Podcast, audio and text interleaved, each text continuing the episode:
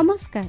ଆରମ୍ଭ କରୁଛୁ ଆମର ବାଇବଲ ଅଧ୍ୟୟନର କାର୍ଯ୍ୟକ୍ରମ ପଥ ପ୍ରଦର୍ଶିକା। ପବିତ୍ର ବାଇବଲ କହେ ଯଦି ଆମ୍ଭେମାନେ ଆପଣା ଆପଣା ପାପ ସ୍ୱୀକାର କରୁ ତେବେ ସେ ଆମ୍ଭମାନଙ୍କର ପାପ କ୍ଷମା କରିବାକୁ ଓ ସମସ୍ତ ଅଧର୍ମରୁ ଆମ୍ଭମାନଙ୍କୁ ପରିଷ୍କାର କରିବାକୁ ବିଶ୍ୱସ୍ତ ଓ ନ୍ୟାୟବାନ ଅଟନ୍ତି। ଆସନ୍ତୁ ସେହି ଉଦ୍ଧାରକର୍ତ୍ତାଙ୍କର ପରିଚୟ ପାଇବା ନିମନ୍ତେ ଶୁଣିବା ବେତାର କାର୍ଯ୍ୟକ୍ରମ ପଥ ପ୍ରଦର୍ଶିକା।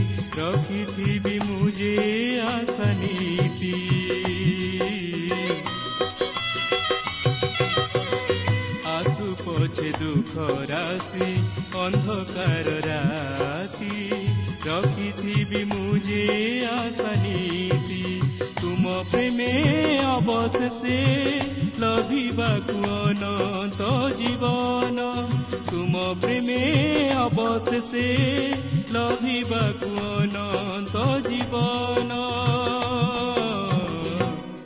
ଗାଉଛି ଗାଇବି ତୁମ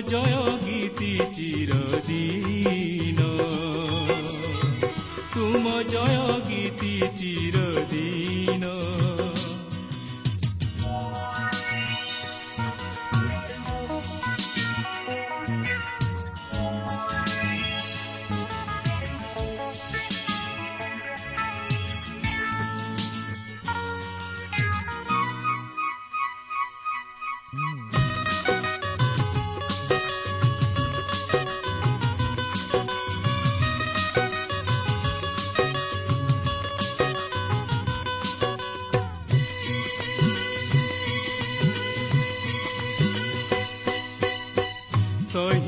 ସହିଯିବି ଜଗତର ଅପମାନ ସତ ସାଧିବାକୁ ତୁମ ଅଭିମତ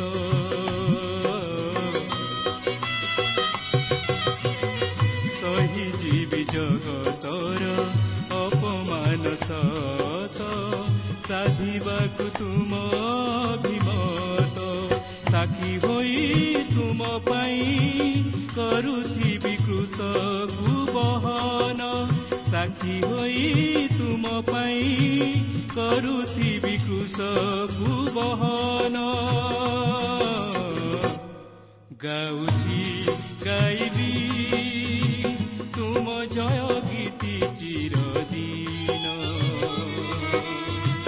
ତୁମରି ପ୍ରେମରେ ହଜି ତୁମରି ସେବାରେ ମଜି ଅରପି ଦେବି ଦେହ ମନ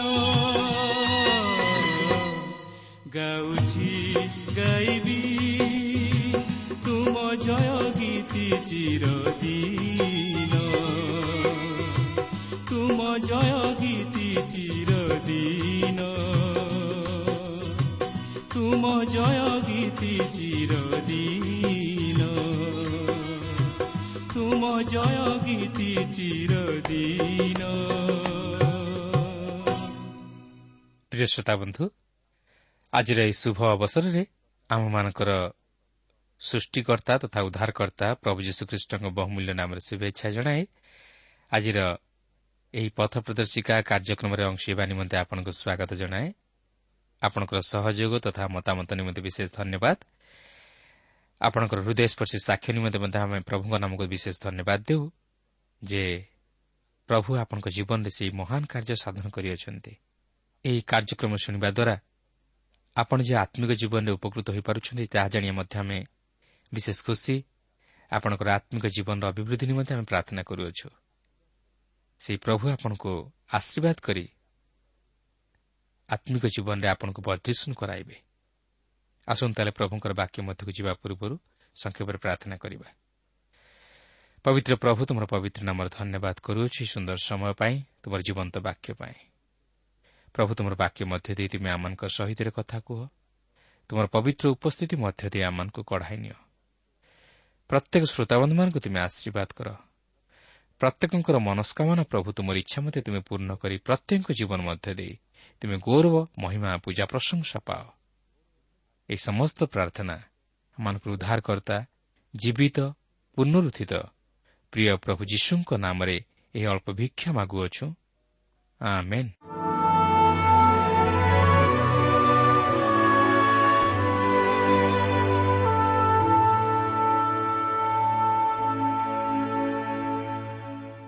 ଆସନ୍ତୁ ତାହେଲେ ବର୍ତ୍ତମାନ ଆମେ ପ୍ରଭୁଙ୍କର ବାକ୍ୟ ମଧ୍ୟକୁ ଯିବା।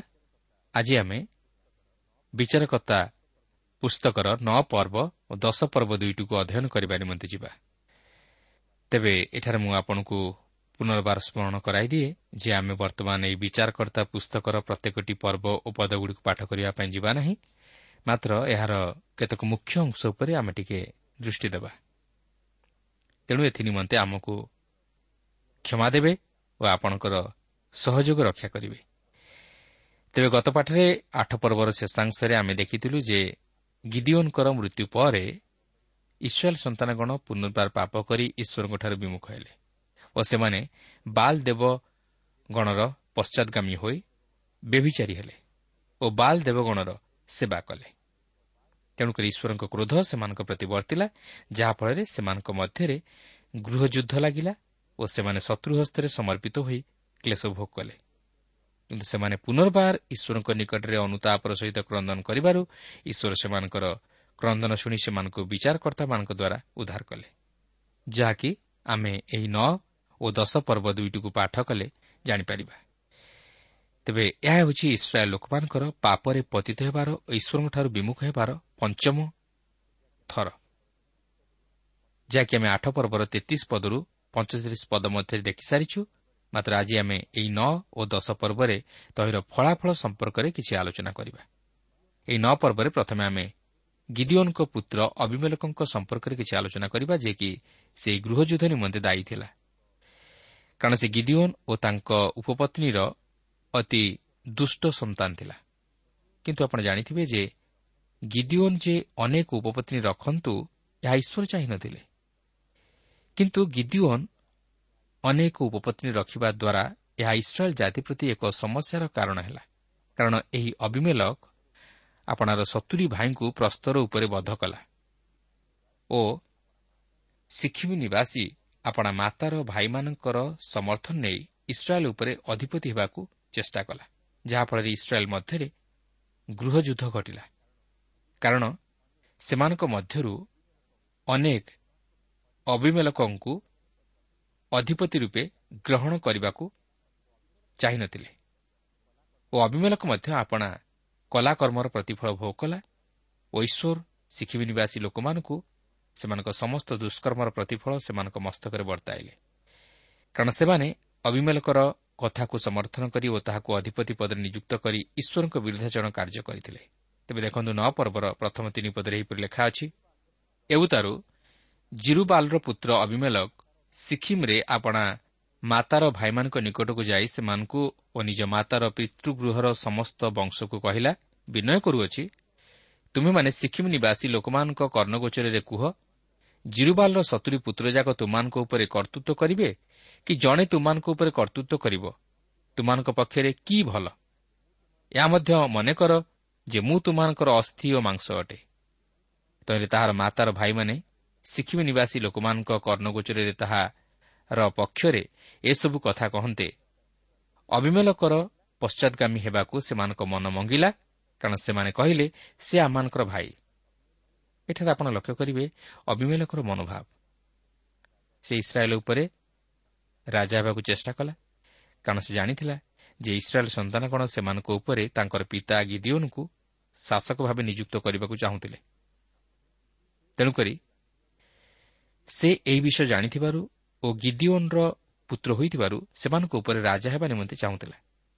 ତେଣୁକରି ସେ ତାହାର ମାତାର ଲୋକମାନଙ୍କ ନିକଟକୁ ଯେଉଁମାନେ କି ସିକିମ୍ରେ ଥିଲେ ସେମାନଙ୍କ ନିକଟକୁ ଯାଇ ସେମାନଙ୍କୁ ମତାଇ ସେମାନଙ୍କର ସମର୍ଥନ ପାଇବାକୁ ଇଚ୍ଛା କଲା ଓ ସେ ତାହା ମଧ୍ୟ କଲା।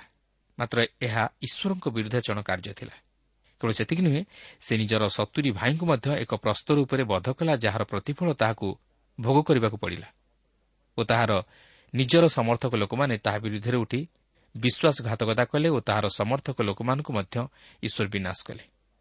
ଆପଣ ଦେଖନ୍ତୁ ନଅ ପର୍ବର ବାଇଶ ପଦରୁ ଚବିଶ ପଦରେ ଲେଖା ଅଛି ଅନନ୍ତର ଅବିମେଲକ ଇସ୍ରାଏଲ୍ ଉପରେ ତିନି ବର୍ଷ ଅଧିପତି ହେଲେ।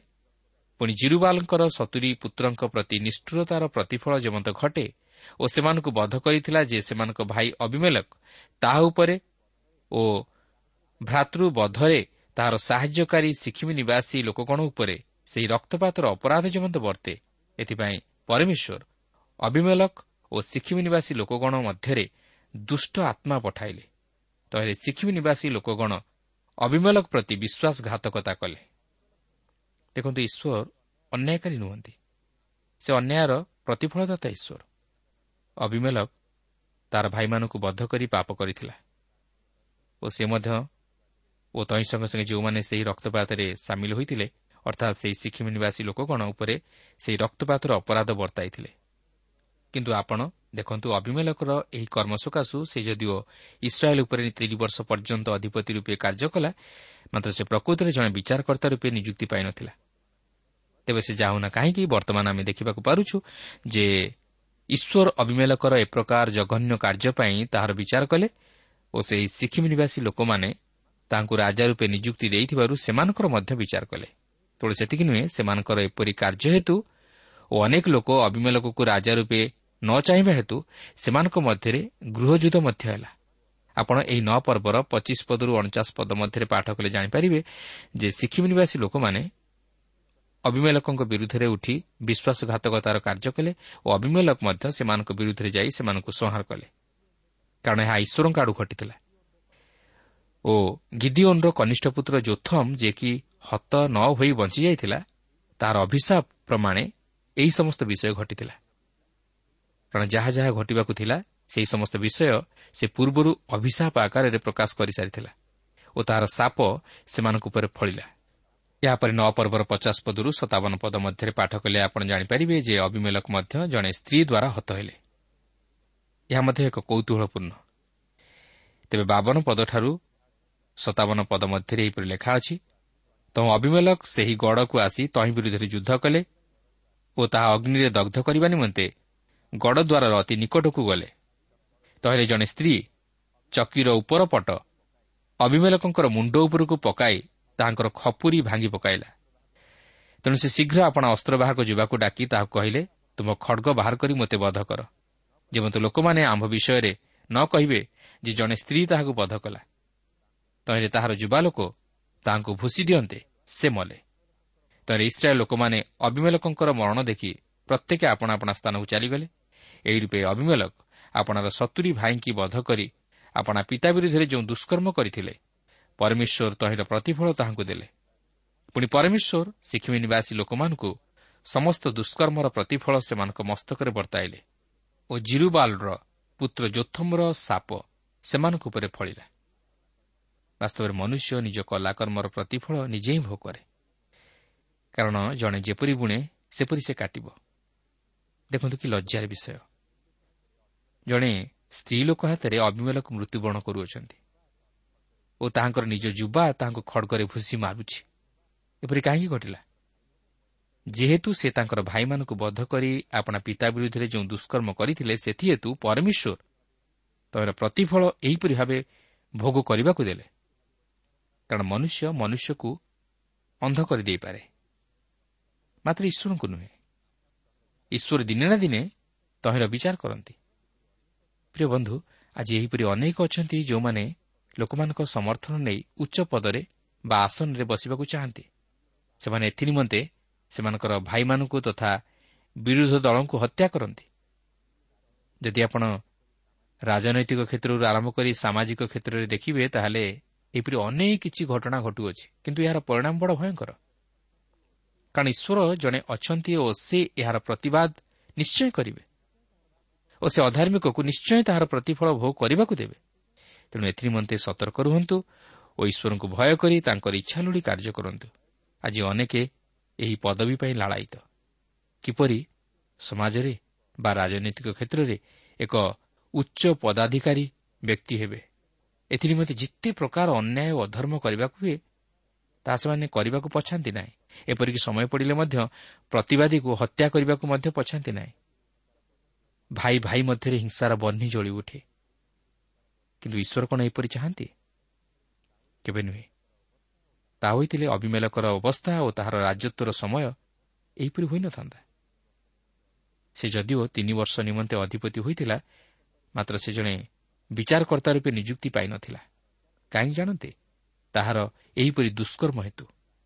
ତେଣୁ ପ୍ରିୟ ବନ୍ଧୁ ଉଚ୍ଚ ପଦାଧିକାରୀ ହେବାକୁ ହେଲେ ପ୍ରଥମେ ଈଶ୍ୱରଙ୍କୁ ଭୟ କରନ୍ତୁ ଓ ସତ୍କର୍ମ କରନ୍ତୁ। ଅମଙ୍ଗଳର ପରିବର୍ତ୍ତେ ମଙ୍ଗଳ କରନ୍ତୁ ଓ ହିଂସାର ପରିବର୍ତ୍ତେ କୋମଳ ବ୍ୟବହାର କରନ୍ତୁ। ତାହେଲେ ଈଶ୍ୱର ଆପଣଙ୍କର ଆଶା ଚରିତାର୍ଥ କରିବେ ଓ ଆପଣଙ୍କର ଶାସନକାଳ ବା ପଦପଦବୀ ଦୀର୍ଘସ୍ଥାୟୀ ହୋଇ ରହିପାରିବ। ତେବେ ଏଠାରେ ଆମେ ନଅ ପର୍ବଟିକୁ ଅଧ୍ୟୟନ କରି ସମାପ୍ତ କଲୁ ମାତ୍ର ଏହାପରେ ଆମେ ଦଶ ପର୍ବଟିକୁ ଅଧ୍ୟୟନ କରିବା ନିମନ୍ତେ ଯିବା। ଏଠାରେ ଆପଣ ସ୍ମରଣ ରଖିବେ ଯେ ଅଭିମେଲ ପରେ ତୋଲୟ ଇସ୍ରାଏଲ୍ର ଉଦ୍ଧାର ନିମନ୍ତେ ଉତ୍ପନ୍ନ ହେଲେ। ଏ ହେଉଛନ୍ତି ଇସ୍ରାଏଲ୍ର ସପ୍ତମ ବିଚାରକର୍ତ୍ତା। ଦେଖନ୍ତୁ ଦଶ ପର୍ବର ପ୍ରଥମ ଦୁଇ ପଦରେ ଏହିପରି ଲେଖା ଅଛି। ଅବିମେଲକର ମରଣ ଉତ୍ତାରେ ଇସାଖର ବଂଶୀୟ ଦୋଦୟର ପୌତ୍ର ପୁୟାର ପୁତ୍ର ତୋଲୟ ଇସ୍ରାଏଲ୍ର ଉଦ୍ଧାର ନିମନ୍ତେ ଉତ୍ପନ୍ନ ହେଲେ। ସେ ଇଫ୍ରାଇମ୍ ପର୍ବତମୟ ଦେଶସ୍ଥ ସାମିରରେ ବାସ କଲେ। ପୁଣି ସେ ତେଇଶ ବର୍ଷ ଇସ୍ରାଏଲ୍ର ବିଚାର କଲେ ତହିଁତାରେ ସେ ମଲେ ଓ ସାମିରରେ କବର ପାଇଲେ। ପ୍ରକୃତରେ ଦେଖିବାକୁ ଗଲେ ଏହି ତୋଲୟ ତାଙ୍କର କାର୍ଯ୍ୟକାଳ ମଧ୍ୟରେ କିଛି କରିଥିବାର ଉଲ୍ଲେଖ କରାଯାଇ ନାହିଁ। ବୋଧହୁଏ ସେ ତାଙ୍କର ଜନ୍ମଠାରୁ ମରଣ ପର୍ଯ୍ୟନ୍ତ ଈଶ୍ୱରଙ୍କ ନିମନ୍ତେ କିଛି ଉତ୍ତମ ବିଷୟ ସାଧନ କରିପାରି ନ ଥିଲେ ତଥାପି ସେ ତେଇଶ ବର୍ଷ ଇସ୍ରାଏଲ୍ର ବିଚାର କଲେ। ବୋଧହୁଏ ଈଶ୍ୱରଙ୍କର ଅନୁଗ୍ରହ ତାଙ୍କ ପ୍ରତି ଅତି ପ୍ରଚୁର ଥିଲା।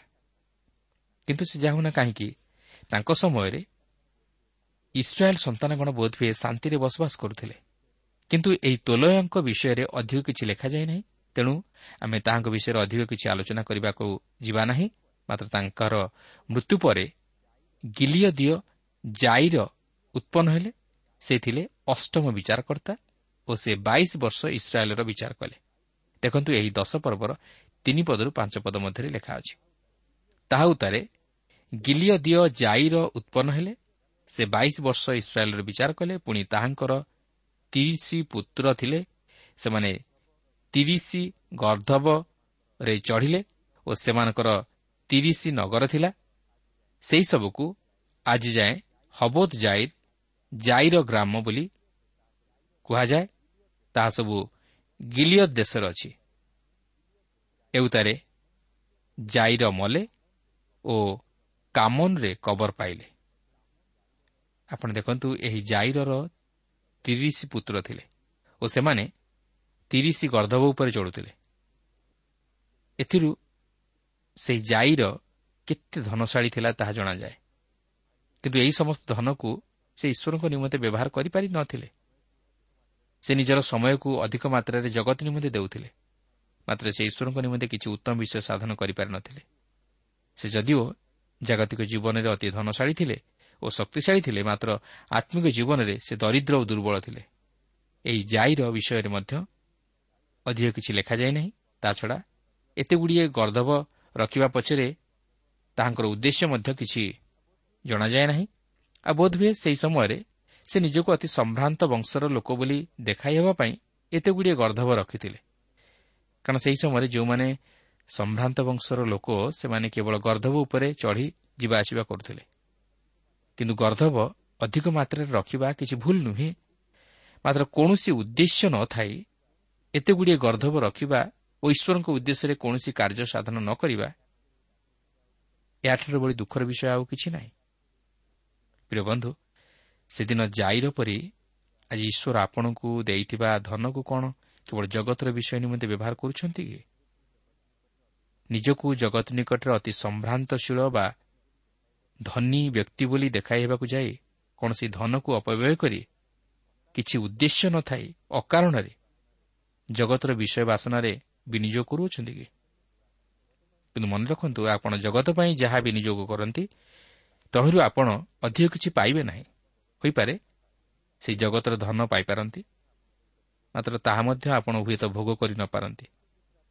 କିନ୍ତୁ ଈଶ୍ୱରଙ୍କ ଉଦ୍ଦେଶ୍ୟରେ ଆପଣ ଯାହା ଦିଅନ୍ତି ତାହା କେବେ ହେଲେ ପାଣିରେ ପଡ଼େ ନାହିଁ ବରଞ୍ଚ ତାହା ଅଧିକରୁ ଅଧିକ ହୋଇ ଆପଣଙ୍କ ନିକଟକୁ ଫେରିଆସିବ ଯାହାକି ଆପଣ କଳ୍ପନା ମଧ୍ୟ କରିପାରିବେ ନାହିଁ। କାରଣ ଈଶ୍ୱର କାହାର ଋଣୀ ନୁହନ୍ତି। ତାଛଡ଼ା ମଣିଷ ଈଶ୍ୱରଙ୍କୁ ବା କ'ଣ ଦେଇ ସନ୍ତୁଷ୍ଟ କରିପାରିବ? କାରଣ ସବୁ ତ ଈଶ୍ୱରଙ୍କର। କିନ୍ତୁ ଈଶ୍ୱର ଚାହାନ୍ତି ମନୁଷ୍ୟ ଯେପରି ତାହାଙ୍କ ଦ୍ୱାରା ପାଇଥିବା ଧନରୁ ଈଶ୍ୱରଙ୍କ ଉଦ୍ଦେଶ୍ୟରେ କିଛି ଦାନ କରି ଈଶ୍ୱରଙ୍କ ନିମନ୍ତେ ମହତ କର୍ମମାନ ସାଧନ କରୁ। କାରଣ ସେ ଗରିବ ନୁହନ୍ତି ଯେ ଆମେ ତାହାଙ୍କୁ କିଛି ଦେଇଦେବା। ମାତ୍ର ସେ ଚାହାନ୍ତି ଆମର ସହଭାଗିତା ଓ ସେ ଆମମାନଙ୍କ ଦ୍ୱାରା ତାହାଙ୍କର ମହତ ଇଚ୍ଛା ଓ ଅଭିମତକୁ ସଫଳ କରିବା ପାଇଁ ଚାହାନ୍ତି। ତେଣୁ ମନେ ରଖନ୍ତୁ ଈଶ୍ୱର ଦେଇଥିବା ଧନ ଜ୍ଞାନ ଶକ୍ତି ଓ ସାମର୍ଥ୍ୟ ତଥା ଦାନକୁ ଈଶ୍ୱରଙ୍କ ଉଦ୍ଦେଶ୍ୟରେ ହିଁ ବ୍ୟବହାର କରି ଅଧିକରୁ ଅଧିକ ଆଶୀର୍ବାଦ ଯୁକ୍ତ ହେବାକୁ ଚେଷ୍ଟା କରନ୍ତୁ। କାରଣ ସେ ଯାହାକୁ ଯେଉଁ ପରିମାଣରେ ଦେଇଥାନ୍ତି ତାଠାରୁ ସେହି ପରିମାଣରେ ଆଶା କରନ୍ତି। ତେଣୁ ଚିନ୍ତା କରନ୍ତୁ ଈଶ୍ୱର ଦେଇଥିବା ଧନ ବା ଶକ୍ତି ବା ସାମର୍ଥ୍ୟକୁ ଆପଣ କେତେଦୂର ଈଶ୍ୱରଙ୍କ ଉଦ୍ଦେଶ୍ୟରେ ବ୍ୟବହାର କରିପାରିଛନ୍ତି? ନା କେବଳ ଜଗତ ବିଷୟରେ ବ୍ୟବହାର କରୁଅଛନ୍ତି? ତେବେ ସେ ଯାଉନା କାହିଁକି? ଜାଇର ବାଇଶ ବର୍ଷ ଇସ୍ରାଏଲ୍ର ବିଚାର କଲେ ଓ ସେ ତାହାପରେ ମୃତ୍ୟୁବରଣ କଲେ। କିନ୍ତୁ ସେ ଈଶ୍ୱରଙ୍କ ନିମନ୍ତେ କ'ଣ ଉତ୍ତମ ବିଷୟ ସାଧନ କଲେ ତାହା ଲେଖାଯାଇ ନାହିଁ। ଏହାପରେ ଅର୍ଥାତ୍ ଜାଇରର ମୃତ୍ୟୁ ପରେ ଇସ୍ରାଏଲ୍ ସନ୍ତାନଗଣ ପୁନର୍ବାର ଈଶ୍ୱରଙ୍କଠାରୁ ବିମୁଖ ହୋଇ ପାପରେ ପତିତ ହେଲେ ଓ ଅନ୍ୟ ଦେବତାଗଣର ପୂଜା ଆରାଧନା କଲେ ଯାହାକି ଆମେ ଦଶ ପର୍ବର ଛଅ ପଦରେ ଦେଖିବାକୁ ପାରୁଛୁ। ଏଠାରେ ଏହିପରି ଲେଖା ଅଛି ଅନନ୍ତର ଇସ୍ରାଏଲ୍ ସନ୍ତାନଗଣ ସଦାପ୍ରଭୁ ଦୃଷ୍ଟିରେ ଯାହା ମନ୍ଦ ତାହା ପୁନର୍ବାର କଲେ। ଆଉ ବାଲ୍ ଦେବତା ଗଣର ଓ ଅଷ୍ଟାରୋ ଦେବୀଗଣର ଓ ଅରାମ୍ ଦେବଗଣର ଓ ସିଦୋନ୍ ଦେବଗଣର ଓ ମୟାବ ଦେବଗଣର ଓ ଅମନ ସନ୍ତାନମାନଙ୍କ ଦେବଗଣର ଓ ପଲିଷ୍ଟିୟ ଦେବଗଣର ସେବା କଲେ। ପୁଣି ସେମାନେ ସଦାପ୍ରଭୁଙ୍କୁ ପାଶୋରିଲେ ଓ ତାହାଙ୍କର ସେବା କଲେ ନାହିଁ। ଏହା ଥିଲା ଇସ୍ରାଏଲ୍ ସନ୍ତାନଗଣର ଈଶ୍ୱରଙ୍କଠାରୁ ବିମୁଖ ହେବାର ଷଷ୍ଠ ଥର। ଇସ୍ରାଏଲ୍ ସନ୍ତାନଗଣ ଈଶ୍ୱରଙ୍କଠାରୁ ସମସ୍ତ ମଙ୍ଗଳଦାନ ପାଇଲେ ସୁଦ୍ଧା ତାହାଙ୍କୁ ଛାଡ଼ି ଅନ୍ୟ ଦେବତା ଗଣର ପଶ୍ଚାଦଗାମୀ ହେଲେ। ଫଳତଃ ସେମାନେ ପୁନର୍ବାର ଶତ୍ରୁମାନଙ୍କ ହସ୍ତରେ ପତିତ ହେଲେ। ସେମାନେ ପଲିଷ୍ଟିମାନଙ୍କ ହସ୍ତରେ ଓ ଅମନ ସନ୍ତାନଗଣର ହସ୍ତରେ ବିକୃତ ହେଲେ ଯାହାକି ଆପଣ ଏହି ଦଶପର୍ବର ସାତ ପଦରେ ଦେଖିବାକୁ ପାରିବେ। କିନ୍ତୁ ଦଶପଦରେ ସେମାନେ ପୁନର୍ବାର ଈଶ୍ୱରଙ୍କ ନିକଟରେ କ୍ରନ୍ଦନ କରିବାର ବିଷୟ ଲେଖାଯାଇଅଛି। ପ୍ରକୃତରେ ଆପଣ ଭାବୁଥିବେ ଯେ ଇସ୍ରାଏଲ୍ ସନ୍ତାନଗଣ ଗୋଟିଏ ଖେଳ ଖେଳୁଛନ୍ତି? ସେମାନେ ବାରମ୍ବାର ପାପ କରୁଅଛନ୍ତି ଓ ବାରମ୍ବାର କ୍ଷମା ମାଗୁଅଛନ୍ତି। କିନ୍ତୁ ଆପଣ ନିଜ ଜୀବନ ବିଷୟରେ ଟିକେ ଭାବି ଦେଖନ୍ତୁ। କ'ଣ ଆପଣ ବା ମୁଁ ଆମେ ସେହିପରି କରୁନାହୁଁ କି? ଆମେ ପାପ ଆଉ କରିବୁ ନାହିଁ ବୋଲି କହୁ? ଈଶ୍ୱରଙ୍କଠାରେ କ୍ଷମା ମାଗୁ। ମାତ୍ର ପରମୁହୂର୍ତ୍ତରେ ଆମେ ପୁନର୍ବାର ସେହି ପାପ କରିବସୁ। କାରଣ ଆମେ ଦୁର୍ବଳ ମନୁଷ୍ୟ। ଆମେ ଅତି ସହଜରେ ପାପରେ ପତିତ ହୋଇଯାଉ। ସେଦିନ ଇସ୍ରାଏଲ୍ ସନ୍ତାନଗଣଙ୍କ ଜୀବନରେ ଠିକ୍ ତାହା ହିଁ ଘଟିଥିଲା। ମାତ୍ର ସେମାନେ ଯେତେବେଳେ ନିଜ ପାପ ନିମନ୍ତେ ଅନୁତାପ କରି କ୍ରନ୍ଦନ କଲେ ସେତେବେଳେ ଈଶ୍ୱର ସେମାନଙ୍କର କ୍ରନ୍ଦନ ଶୁଣି ସେମାନଙ୍କୁ ଶତ୍ରୁହସ୍ତରୁ ଉଦ୍ଧାର କରିବା ନିମନ୍ତେ ଆଉ ଜଣେ ବିଚାରକର୍ତ୍ତାଙ୍କୁ ଉତ୍ପନ୍ନ କଲେ ଯାହାଙ୍କ ବିଷୟରେ ଆମେ ଏଗାର ପର୍ବରେ ପାଠ କଲେ ଜାଣିପାରିବା। ସେ ହେଉଛନ୍ତି ଜିପ୍ତ ଇସ୍ରାଏଲ୍ର ନବମ ବିଚାରକର୍ତ୍ତା। କିନ୍ତୁ ଏଠାରେ ଆଲୋଚନାର ବିଷୟ ହେଉଛି ଯେ ଈଶ୍ୱର ଦୟାଳୁ ଓ କ୍ଷମାଶୀଳ ଈଶ୍ୱର। ସେ ନିଜର ଆଶ୍ରିତମାନଙ୍କୁ ଯଦିଓ ଶାସନ କରନ୍ତି ମାତ୍ର ସେ ସେମାନଙ୍କୁ ଉଦ୍ଧାର କରନ୍ତି। ଆପଣ ଚିନ୍ତା କରନ୍ତୁ ଯେ ଆପଣ କେତେଥର ଏହିପରି ପାପ କରିଛନ୍ତି ଓ ଈଶ୍ୱରଙ୍କୁ କ୍ଷମା ମାଗିଛନ୍ତି। ମୁଁ ଭାବୁଛି ତାହା ଯଦି ହିସାବ କରାଯାଏ ତାହେଲେ ତାହା ଅସଂଖ୍ୟ ହେବ। କିନ୍ତୁ ଈଶ୍ୱର ଯଦି ସେହି ପାପ ନିମନ୍ତେ ଆପଣଙ୍କୁ ବିଚାର କରି ଦଣ୍ଡ ଦେଇଥାନ୍ତେ ତାହେଲେ ଆପଣ ହୁଅନ୍ତୁ ବା ମୁଁ ହୁଏ। ଆମେ କ'ଣ ଏହି ଜଗତରେ ବଞ୍ଚିପାରିଥାନ୍ତୁ କି? କେବେ ନୁହେଁ। ମାତ୍ର ସେ ଆମକୁ ତାହାଙ୍କ ଅନୁଗ୍ରହରେ ବଞ୍ଚାଇ ରଖିଛନ୍ତି ଓ ପ୍ରଭୁ ଯୀଶୁଖ୍ରୀଷ୍ଟଙ୍କର ସେହି କୃଷ୍ୟ ତଥା ପବିତ୍ର ରକ୍ତ ହେତୁ ସେ ଆମର ପାପକୁ ଉପେକ୍ଷା କରି ଚାଲିଛନ୍ତି। କିନ୍ତୁ ଯଦି ଆମେ ମନ ପରିବର୍ତ୍ତନ କରି ପାପରୁ ନ ଫେରୁ ତାହେଲେ ଆମେ କେବେ ହେଲେ ପାପରୁ ଉଦ୍ଧାର ପାଇବା ନାହିଁ। ତେଣୁ ଆସୁ ନିଜର ପାପ ନିମନ୍ତେ ଅନୁତାପ କରି ପ୍ରଭୁ ଯୀଶୁଙ୍କଠାରେ ତାହା ସ୍ୱୀକାର କରି କ୍ଷମା ମାଗି ଅନନ୍ତ ଜୀବନର ଅଧିକାରୀ ହେଉ। ପ୍ରଭୁ ପ୍ରତ୍ୟେକଙ୍କୁ ଆଶୀର୍ବାଦ କରନ୍ତୁ।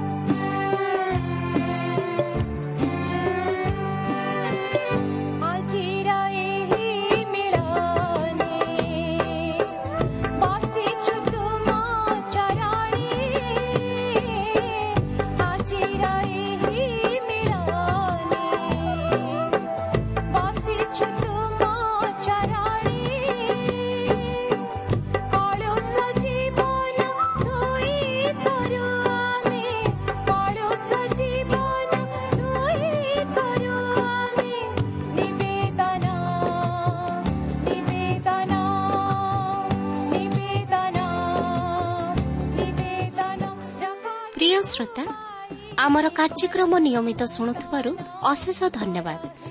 ଆପଣ ଏହି କାର୍ଯ୍ୟକ୍ରମ ଶୁଣିବା ଦ୍ୱାରା ଆତ୍ମିକ ଜୀବନରେ ଉପକୃତ ହୋଇପାରିଥିବେ ବୋଲି ଆମର ବିଶ୍ୱାସ।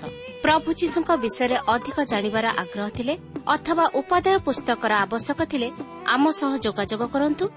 ଆମର ଠିକଣା ପଥ ପ୍ରଦର୍ଶିକା Trans World Radio India post box number ତିନି ତିନି ଭୁବନେଶ୍ୱର ସାତ ପାଞ୍ଚ ଏକ ଶୂନ ଶୂନ ଏକ। Mobile number nine seven double seven double two one four one five ଠିକଣାଟି ଆଉଥରେ ଶୁଣନ୍ତୁ। ପଥ ପ୍ରଦର୍ଶିକା Trans World Radio India post box number three three Bhubaneswar seven five one zero zero one mobile number nine seven double seven double two one four one five ଆମର email ଆଡ୍ରେସଟି ଲେଖି ରଖନ୍ତୁ Odia TTV at radio eight eight two dot com ତେବେ ଆଜି ପାଇଁ ବିଦାୟ ଦିଅନ୍ତୁ।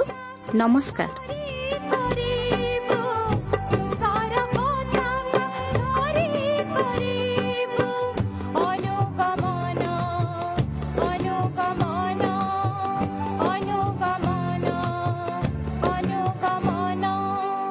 Jesus.